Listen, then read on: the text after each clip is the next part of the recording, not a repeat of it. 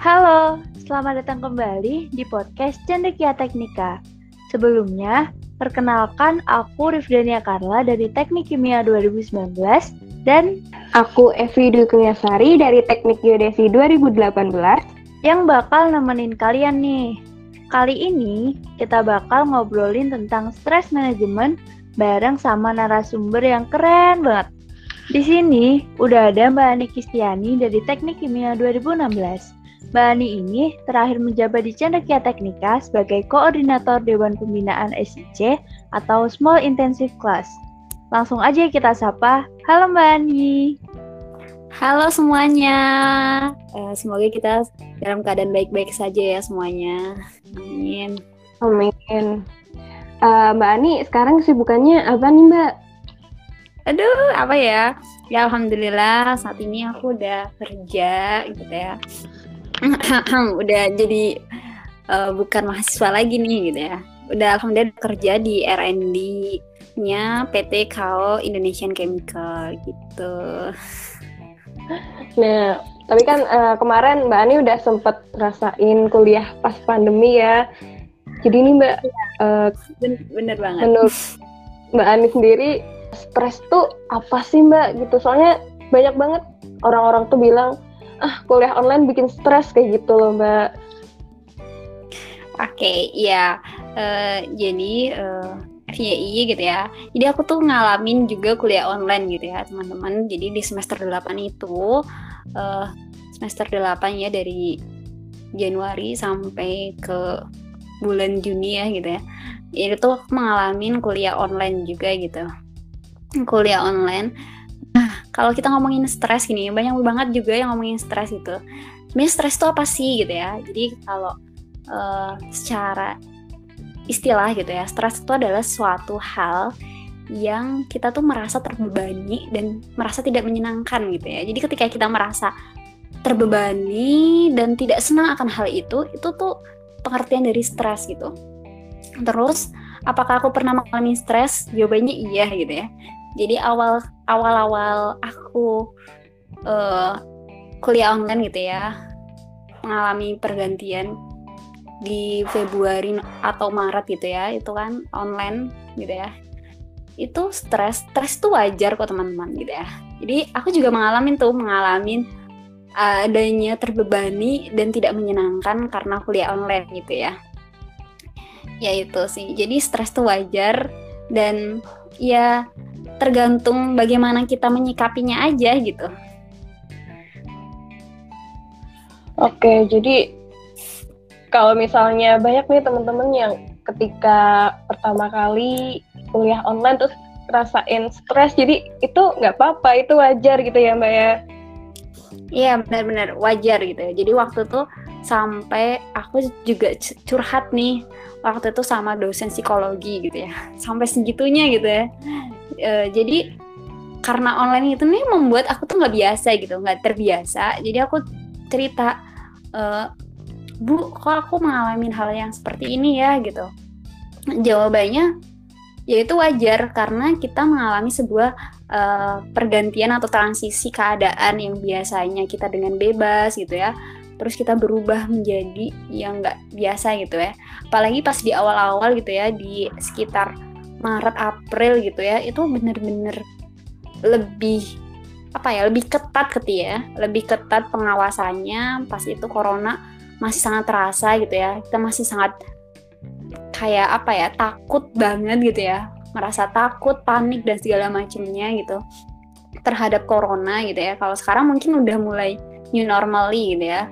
Nah, apalagi kayak saya tuh orang yang biasanya tuh ke mana-mana gitu ya. Jadi suka banget keluar rumah orang yang memang ekstrovert yang terbiasa ngobrol dengan orang berjumpa dengan orang terus apa ya butuh refreshing keluar kayak gitu-gitu terus harus keep di rumah karena waktu itu tuh bener-bener uh, apa ya dislogankannya atau disuruhnya itu stay di rumah aja gitu ya. Itu tuh benar-benar membuat tekanan gitu ya membuat tekanan gitu ya. Uh, dan membuat kita tuh semakin tertantang untuk menjalani sebuah kehidupan gitu. Gitu sih.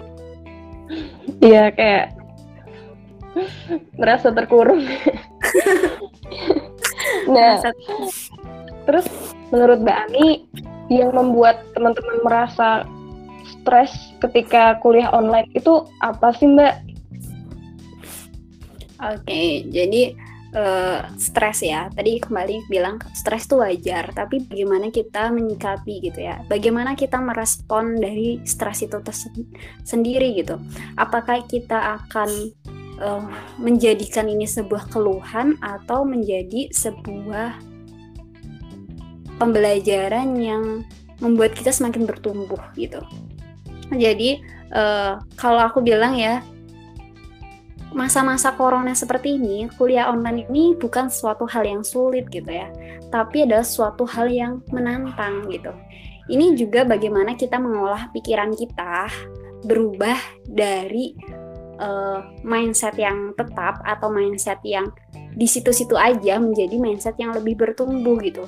Mindset yang bertumbuh adalah kita mau belajar dan mau membuat keadaan yang saat ini menjadi keadaan yang lebih positif kayak gitu. Jadi ketika ya ini mungkin cerita aja ya pengalaman gitu ya. Jadi waktu itu setelah aku tahu itu tuh wajar gitu. Dan respon tubuh ini mempengaruhi apakah ke depannya aku akan stay di situ aja dan merasa ini suatu kondisi yang memper ke, memperkukung aku untuk berekspresi apa ini satu kondisi yang bisa membuat aku uh, semakin tumbuh dan belajar gitu ya. Nah, responnya ya kita harus membuat tubuh kita ini ini adalah kondisi yang menyenangkan gitu ya. Ini kenapa tadi aku bilang uh, ini tuh bukan kondisi yang sulit ya teman-teman. Jadi ini aku juga kemarin belajar ya. Kita tuh nggak boleh berkata sulit gitu. Apa pun keadaannya kita tuh nggak boleh bilang sulit gitu ya. Tapi kita tuh harus memisahkan diri untuk bilang tertantang gitu ya, menantang gitu ya. Jadi ini nih keadaan yang menantang gitu teman-teman. Jadi kuliah online itu suatu hal yang menantang gitu ya. Ini juga ya, karena sulit itu mengindikasikan pada beban. Dan jadi kalau orang ngomong sulit pasti ada beban dan tekanan di situ. Tapi ketika kita ngomong menantang gitu ya, kalau kita ngomong menantang itu ada sebuah uh, ada hormon apa ya?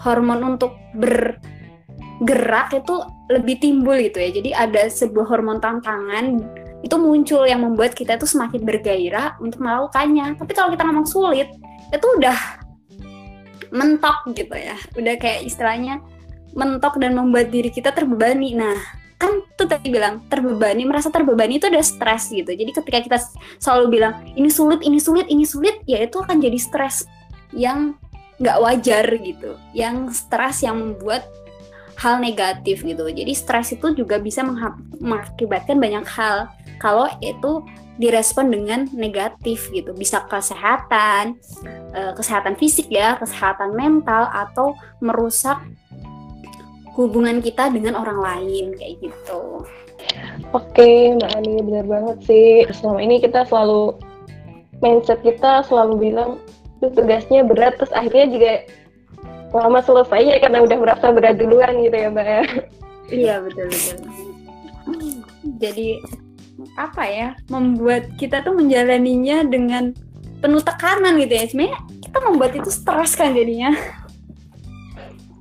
Nah kalau menurut Mbak Ani sendiri stres itu apa sih akibatnya ke diri kita? Kayak dampak-dampak dari stres itu apa sih buat diri kita atau buat lingkungan kita gitu? Oke okay, iya. Jadi stres gitu ya stres yang berlebihan dan direspon dengan yang negatif gitu ya mengakibatkan banyak hal.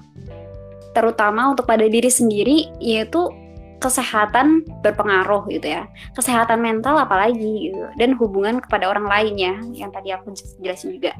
Kesehatan pada pribadi gitu secara fisik gitu ya. Orang yang mengalami stres yang berlebihan atau menyebabkan apa ya pikirannya itu sedikit kacau gitu ya dia akan cenderung nggak bisa tidur gitu ya. Banyak nih mengalami insomnia gitu ya terlalu banyak hmm, dipikir gitu ya.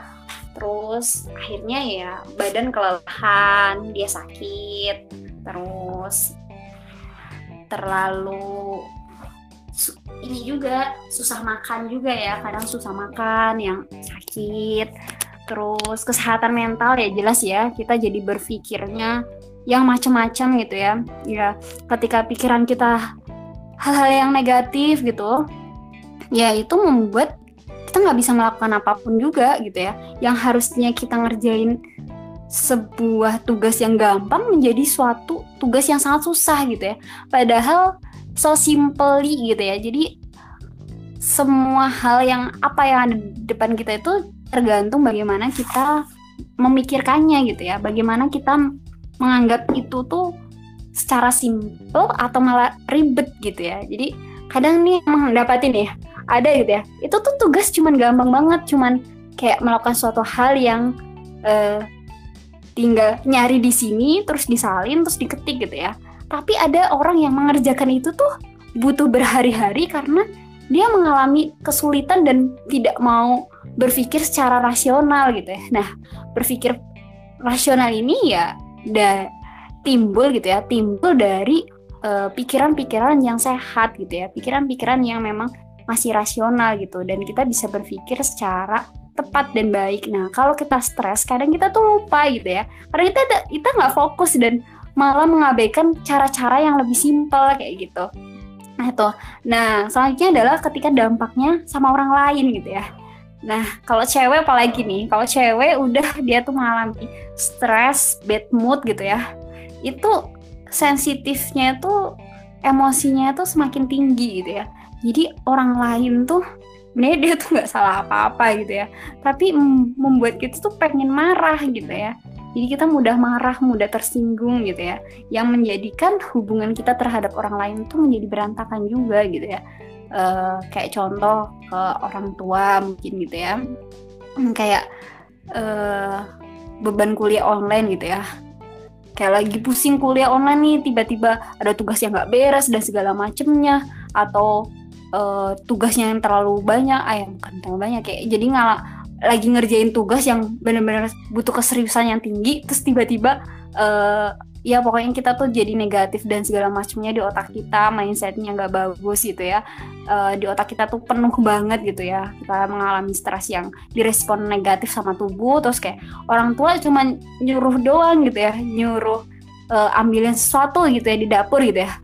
Tuh udah rasanya kayak membuat kita tuh emosinya jadi makin naik gitu ya. Padahal cuma disuruh hmm, contoh ngambilin sapu doang dari dapur ke ruang tengah gitu ya hanya hal sepele kayak gitu gitu ya. Nah itu membuat hubungan jadi kurang baik ya. Gitu. Stres yang dampaknya itu negatif dan tidak bisa kita kelola dengan baik gitu ya. Uh, dan ini ya jadi aku, kenapa aku bilang stres tuh normal? Stres tuh normal karena ada uh, perubahan itu normal adanya stres gitu ya. Kalau kita nggak stres, malah itu jadi masalah gitu ya. Jadi ketika kita tidak mengalami stres dari perubahan satu ke perubahan yang lain gitu ya, itu yang menjadi pertanyaan gitu ya. Sebenarnya kamu tuh masih baik-baik aja kan? Kenapa kamu nggak ada respon sedikit pun apa pun perubahan gitu ya? Jadi kalau kayak di material aja gitu ya, di material gitu ya, pernah dengar uh, penguaian atau segala macamnya kayak kita kan anak teknik gitu ya jadi ketika kayak sebuah gelas gitu ya sebuah gelas gitu ya yang awalnya dia itu diisi air, dingin lah pokoknya air dingin terus tiba-tiba dia diisi air panas gitu ya. Dia tuh kan ada yang langsung retak ada yang langsung pecah atau dia langsung mengembang gitu ya. Itu kan terjadi stres material gitu ya. Secara alami memang stres itu ada gitu karena ada perubahan mencolok gitu ya. Contohnya ya itu di gelas dari dingin menjadi panas gitu ya. Nah itu. Nah responnya kan habis itu beda-beda tuh ada yang cuman retak ada yang pecah ada yang cuman ngembang doang gitu ya. Nah itu ibaratnya dalam tubuh kita gitu ya. Jadi tergantung kualitas pada diri kita. Apakah kita mau jadi uh, gelas yang acak yang apa ya yang abal-abal gitu ya. Yang ketika uh, dikenain air panas gitu ya dari dingin ke air panas terus dia langsung pecah berantakan atau jadi gelas yang punya kualitas yang baik gitu ya tetap stay gitu ya tetap dengan stres hanya mengembang dan kemudian balik ke awal dan performanya tidak berubah kayak gitu sih. Berarti ini ya Mbak, uh, dampak dari stres itu sendiri bisa ngaruh ke pikiran kita, bisa ke fisik juga, bisa ke orang lain. Tapi itu tergantung sama diri kita sendiri. Bener nggak Mbak? Betul sekali. Gitu. Nah aku mau nanya nih Mbak, kalau tadi kan yang udah disebutin itu dampak negatifnya. Kalau menurut Mbak Ani sendiri, ada nggak sih sisi positif dari stres itu sendiri? Iya, sisi positif dari stres gitu ya. Stres itu adalah salah satu gitu ya, salah satu sih. Mungkin jadi alasan satu-satunya untuk kita tuh bertumbuh gitu ya. Stres gitu, membuat kita itu harus mencari suatu alternatif yang lebih baik gitu, lebih kreatif gitu. Contoh stres yang paling gampang gitu ya. Ketika kita dikejar anjing, ketika kita berada nih di situ terus ada anjing ngejar kita gitu ya. Itu kan stres banget itu yang membuat kita beban gitu ya. Yang ujung-ujungnya tuh kita harus berlari gitu kan. Efeknya kita langsung jadi lari gitu ya. Ya itu ya itu analogi yang nggak tahu sih nyambung atau enggak intinya stres itu adalah uh, ketika kita meresponnya dengan baik ya itu tuh bisa menjadi uh, hal yang satu pemicu untuk kita bertumbuh, bermindset tumbuh gitu. Jadi uh, ya kalau disambungin sama kuliah online gitu ya. Jadi kuliah online ini memang membuat kita itu berbeda lah ya, apalagi kalau teman-teman yang udah dulunya kuliah offline terus tiba-tiba jadi online itu kan berubah banget gitu ya. Yang dulunya praktikum gampang gitu ya, tinggal ke lapangan gitu ya, bukan gampang sih, lebih mudah untuk dilaksanakan gitu ya, dan lebih mudah dimengerti. Terus sekarang harus online dengan beberapa hal, ada terkait dengan teknis gitu ya, terkait dengan materinya, mungkin kurang maksimal, tidak sama seperti ketika ke lapangan langsung. Nah, yang pertama kita udah tahu nih kondisinya seperti ini. Uh, selanjutnya kita tahu gitu ya yang mengalami mengalami hal itu tuh bukan cuma kita gitu tapi orang-orang di sekitar kita juga gitu ya. Nah dengan kondisi yang seperti ini gitu ya ini kan membuat kita tuh lebih kreatif juga gitu ya. Uh, aku mengalami ketidak cocokan nih ketika aku harus kuliah kayak gini gitu ya. Nah hal-hal yang kayak gitu tuh membuat kita terpacu untuk berpikir kan hmm, aku harusnya tuh nggak boleh kayak gini nih. Aku harusnya uh, berubah juga gitu ya. Oh kalau aku cuma mantengin kuliah di depan laptop tuh aku nggak mudeng gitu ya. Berarti aku harus berpikir secara kreatif. Oh apakah aku harus memperbaiki diriku dari segi apa gitu ya? Jadi sebenarnya ketika kuliah online kayak gini daring gitu ya ini satu kesempatan yang kalau aku lihat ya ini kesempatan banget buat kita tuh memperbaiki diri dan kita sadar diri gitu ya. Ini bener terkait dengan sadar diri. Jadi waktu dulu aku kuliah, kuliah gitu ya, aku tuh baru mengalami tuh sadar diri gitu ya. Sadar diri gimana gitu ya? Oh sadar diri. Jadi selama ini tuh uh, aku tuh masih manajemen waktuku tuh nggak bagus gitu ya. Atau aku tuh masih orang yang uh, apa ya kuliah itu dengan tujuan yang lain gitu ya. Jadi kuliahnya itu nggak uh, fokus atau niatannya niatan yang lain yang membuat kita tuh ketika nggak datang ke kampus jadi males gitu. Nah ini membuat kita tuh berubah gitu ya. Dampak-dampak positif ya kita membuat kita lebih uh, berpikirlah berpikir uh, bagaimana sih caranya kita tuh mengoptimalkan kuliah ini membuat otak ini tuh nyambung dengan apa yang disampaikan dosen gitu ya dan dosen juga jadi lebih kreatif gitu ya jadi lebih kreatif gitu ya. Yang dulunya cuman ya ngajar hanya uh, ke kelas nulis di papan tulis gitu ya. Mereka lebih kreatif gitu ya. Kita kita jangan salah pilih salah pikir gitu ya. Kita bilang kalau kita sebagai mahasiswa itu terasa terbebani gitu ya membuat stres kita tuh berlebihan dan mengarah negatif gitu ya. Iya kalian pikir dosen enggak gitu ya? Dosen juga gitu ya dosen juga gitu ya tapi mereka juga jarang juga ya ada keluhan dosen mengeluh uh, stres menghadapi mahasiswa gitu ya. Mungkin dosen lebih stres gitu ya, karena ya kerjaan dosen tuh sebenarnya lebih banyak gitu kan. Ada tuntutan publikasi, ngajar, bikin kurikulum, bikin materi gitu ya. Kalian mendengar materi, mereka bikin materi gitu, bikin sel, bikin kurikulum, bikin silabus, bikin indikator penilaian, terus harus ngisi seminar, harus rapat gitu ya, harus rapat dosen dan segala macamnya gitu ya. Apalagi kalau yang udah berkeluarga gitu ya, punya anak gitu ya, anaknya kuliah online atau anaknya sekolah online gitu ya, itu juga mereka lebih pusing juga gitu ya. Tapi bagaimana sih sikapnya gitu ya? Ya nega, ya positifnya kita jadi belajar gitu ya.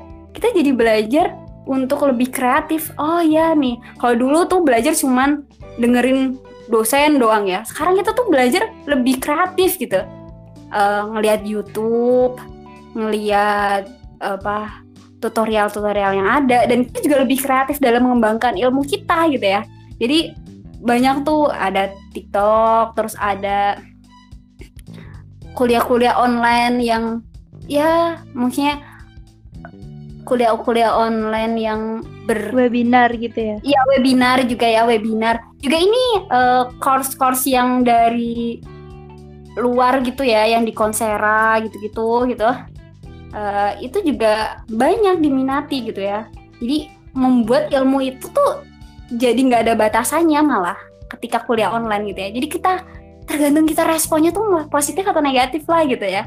Uh, kita mau nganggap ini sebuah tadi ya uh, beban yang membuat stres berkelanjutan apa stres di situ terus membuat ini tuh menjadi lebih menyenangkan gitu menjadi sebuah tantangan yang membahagiakan gitu. Itu sih. Tergantung nih si Rifda dan Evi mau gimana menyikapi ini semua dan teman-teman yang lainnya mau menyikapi. Kalian mau stuck di situ atau beralih ke yang baik gitu yang lebih ya meningkatkan diri lah kayak gitu istilahnya. Bener banget sih Mbak Ani, soalnya gara-gara stres jadi kayak terpaksa harus berpikir dengan cara lain gitu ya. Jadi iya. menyesuaikan. Mm. Nah Mbak, kalau kita mau self appreciation nih, jadi ceritanya kita sudah berjuang kuliah online eh, ngerjain tugas, terus mau self appreciation, yang tepat itu gimana sih Mbak? Kita nggak malas tapi bisa terlena juga gitu mbak. Iya iya aku setuju banget nih. Benar banget eh, kita tuh perlu adanya self appreciation gitu ya. Uh, ini penting banget untuk menjaga diri kita gitu ya. Uh, stres itu kan tadi uh, katanya adalah kata poinnya adalah terbebani dan tidak menyenangkan gitu ya. Dan yang bisa mengatur kita merasa terbebani atau tidak menyenangkan kan sebenarnya diri kita gitu ya Nah, self appreciation ini gitu ya. Ini satu bentuk yang memang membuat apa ya? Kita tuh merasa lebih bahagia gitu mungkin atau lebih merasa ya apresiasi diri lah lebih terhargai gitu ya jadi secara fitrah gitu ya seorang manusia gitu ya itu uh, ingin selalu dihargai dan selalu apa ya merasa hmm, keada dirinya itu berhasil dan dibutuhkan gitu ya. Nah makanya tadi itu aku bilang keadaan ini itu harus dijadikan sebuah tantangan gitu ya. Kalau tantangan itu kan berarti ada hadiah di depannya gitu ya. Jadi kalau aku tuh sistemnya uh, apresiasinya itu bukan sebuah waktu ya. Uh, apresiasinya itu adalah lebih ke membeli sesuatu gitu atau makan sesuatu atau ya ada reward yang emang harus dibayarkan dan tapi harus ada punishment gitu ya. Ketika kita bilang self appreciation gitu ya, berarti ada self uh, punishment gitu ya. Jadi ada punishment juga kita harus tahu ya. Ini juga harus dicoba gitu. Tapi punishment ini juga bukan sebuah beban gitu ya. Jadi ketika kita menghadapi suatu kuliah online di saat seperti ini, ya salah satunya caranya kita membuat itu kontrak belajar sama diri kita sendiri atau kontrak kontrak kehidupan pada diri kita sendiri. Jadi kayak kamu nih gitu ya, kamu kalau ngerjain tugas ini uh, yang biasanya tugasnya itu deadline seminggu gitu ya. Tapi kamu menantang diri kamu untuk mengerjakan tugas ini yang sangat menantang ini gitu ya. Itu dalam dua hari gitu ya. Dalam dua hari uh, kamu menantang diri kamu untuk mengerjakan ini selama dua hari gitu fokus. Uh, rewardnya nanti beli apalah gitu. Nanti kalau nggak dikerjain ya kamu kasih punishment apa gitu ya kasih punishment oh nih dua aku nggak bisa ngerjain ini berarti nanti punishmentnya aku sih lebih suka punishmentnya itu sesuatu yang lebih membuat kita bertumbuh gitu ya kamu harus baca buku manajemen ini atau kamu harus baca buku tentang mindset ini atau kamu baca apa gitu atau kamu uh, melakukan apa gitu yang membuat lebih bahagia. Tapi ya itu sebagai hukuman gitu. Nah seperti itu sih tentang appreciation pada diri sendiri ya. Itu penting banget. Dan harus kita jaga juga. Dan itu benar punishment gitu ya ya agar tidak terlena ya kita membuat batasan gitu ya. Ya makanya aku tuh sebenarnya nggak begitu suka kalau uh, appreciationnya itu adalah waktu juga gitu. Maksudnya uh, kayak gini nih aku habis ngerjain tugas nih. Karena aku habis ngerjain tugas aku pusing ah, aku lah mau buka uh, Instagram aja lah gitu ya. Itu nggak mungkin tuh buka Instagram cuma 10 menit gitu ya. Pasti akan kelanjut lanjut sampai sejam gitu ya dari Instagram oh ada yang menarik di YouTube. Akhirnya buka YouTube gitu ya. Setelah buka YouTube eh malah jadi streaming uh, drakor gitu ya. Itu ngerjainnya berapa lama? Uh, malas-malasannya berapa lama gitu ya. Nah itu uh, jadi lebih mendingnya gitu ya. Aku lebih sukanya kalau semuanya tuh di plan dan ada rencana oh setelah aku menyelesaikan tantangan ini rewardnya itu ini setelah reward ini ada tantangan selanjutnya ada tantangan selanjutnya. Nanti diakumulasi di bulan satu bulan kamu udah melakukan sebuah capaian seberapa baru nanti apresiasinya yang memang besar kayak gitu. Jalan-jalan kayak gitu. Jadi uh, self appreciation itu bagus tapi kita juga harus mengimbanginya dengan misalnya punishment terus lebih baik kalau bukan waktu ya mbak ya. Karena kalau kita apresiasinya ke waktu juga bisa jadi kebablasan ketika misalnya scroll medsos kita kadang nggak kerasa ternyata udah satu jam kayak gitu ya mbak ya iya bener pengalaman begitu lanjut ya mbak aku mau nanya kalau dari mbak Ani ada nggak sih tips-tips buat kita ngurangin stres di masa kuliah online ini? Oke. Okay. Jadi kalau ditanyain tips ya, sebenarnya uh, yang harus teman-teman tiru itu bukan tipsnya gitu ya, tapi mindsetnya gitu ya. Jadi ada nih banyak orang tips itu bisa dicari di mana-mana gitu ya. Tapi bagaimana mengimplementasinya? Karena yang harus ditiru adalah mindsetnya. Jadi teman-teman uh, kita harus mencoba gitu ya beralih dari mindset yang lama kita untuk menjadi mindset yang lebih bertumbuh, yang menganggap semua kejadian yang ada menjadi suatu titik pembelajaran yang baik untuk ke depannya. Jadi ya mindsetnya adalah tetap produktif, tetap uh, keep your brain kayak tunjukkan kalau kamu tuh uh, menjadi seorang yang berusaha bagaimanapun kondisinya gitu. Ya, jadi kayak yang pertama mungkin ya, ini diperhatikannya mindset cara berpikirnya ya, bukan hanya tipsnya. Tentang uh, kenali diri kamu pertama. Kenapa harus mengenali diri kamu ya kamu agar kamu tuh tahu gitu apa sih potensiku, apa sih istimewanya aku gitu ya. Jadi setiap orang itu terlahir dengan istimewa dan kalian berhak untuk memaksimalkan segala potensial dan segala keistimewaan kalian untuk menjadi lebih baik gitu. Nah itu uh, kenali diri kamu, terus setelah itu uh, cari tahu apa tujuan hidup kamu gitu ya. Mindsetnya adalah cari tahu diri kamu agar kamu bisa menjalani hidup ini dengan tujuan. Jadi, kenapa sih kita bisa stres? Karena kita tuh nggak punya tujuan gitu ya.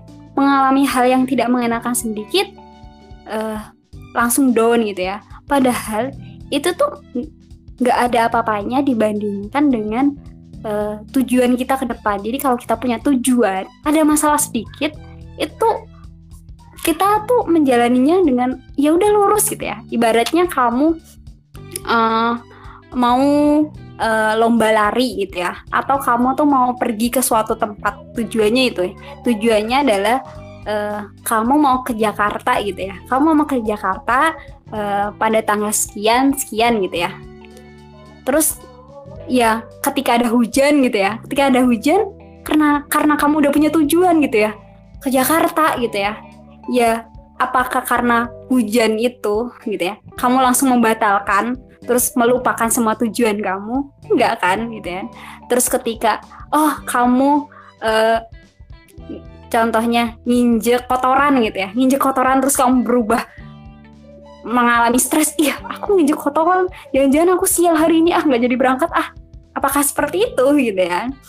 Terus ketika kamu uh, di jalan gitu ya eh tanpa sengaja kamu uh, ya minta-minta ya ini ujian yang lebih berat gitu ya uh, nabrak orang gitu ya. Contohnya nabrak orang. Terus karena nabrak orang kamu berpikir ah terus kamu stres terus akhirnya kamu nggak nggak jadi ke Jakarta terus melupakan semua tujuan kamu ke Jakarta. Nah itu apakah kamu mau jadi orang yang seperti itu? Ibaratnya kayak gitu ya. Enggak gitu kan. Jadi uh, tentukan tujuan gitu ya. Dan ketika kita punya tujuan ya kita pasti akan menjalani semua ujian-ujian itu tuh menjadi sebuah hal yang menyenangkan gitu ya. Menjadi hal-hal yang lucu untuk kita ingat bahkan gitu ya. Menjadi suatu hal yang uh, kita tuh santai aja ngejalaninya.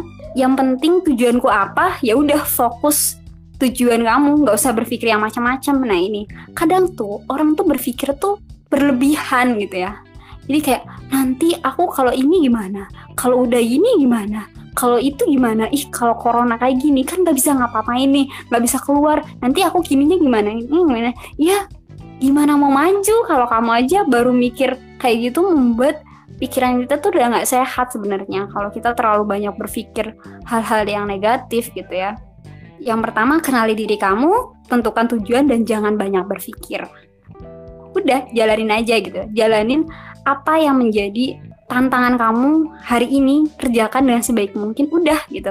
Udah terus besok ada tantangan lagi ya udah kerjakan gitu ya. Jadi kalau hari ini kamu ada kuliah online sekian sekian sekian jam sekian uh, tugasnya sekian sekian sekian ya udah fokus bagaimana ini dikerjakan. Udah lakukan itu dengan fokus kerjakan gitu. Nah kalau kamu sampai berpikir ih ini tuh nggak enak banget ya gitu ya.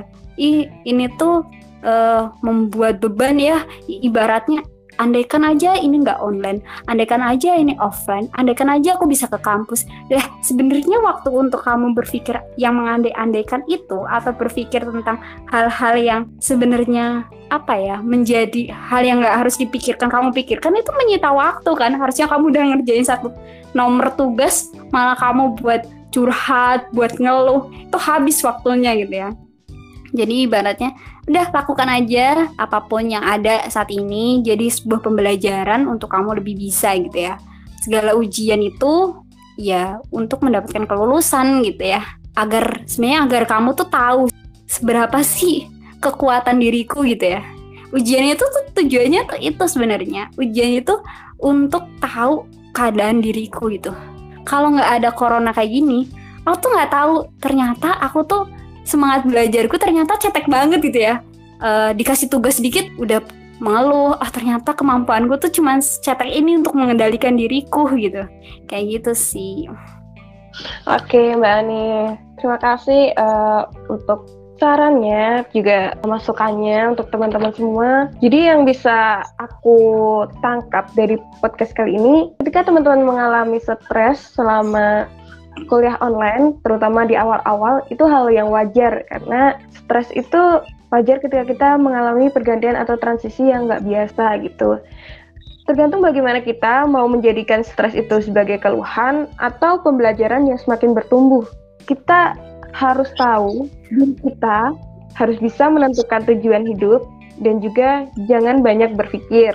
Self apresiasi itu bagus untuk diri kita, tapi ditimbangi juga dengan punishment biar nggak terlena kita bisa buat batasan sebaiknya apresiasinya jangan waktu juga karena ya kita tahu ketika kita apresiasi dengan waktu kita sudah terlena dengan waktu itu. Oke, terima kasih kepada Mbak Ani yang sudah memberikan saran dan masukannya kepada teman-teman supaya bisa mengelola kesehatan mentalnya ketika mengikuti kuliah online nanti. Terakhir ada quote dari Michael Jordan, Suksesan berasal dari pikiran, ketangguhan mental dan hati jauh lebih kuat daripada keunggulan fisik yang mungkin kamu miliki.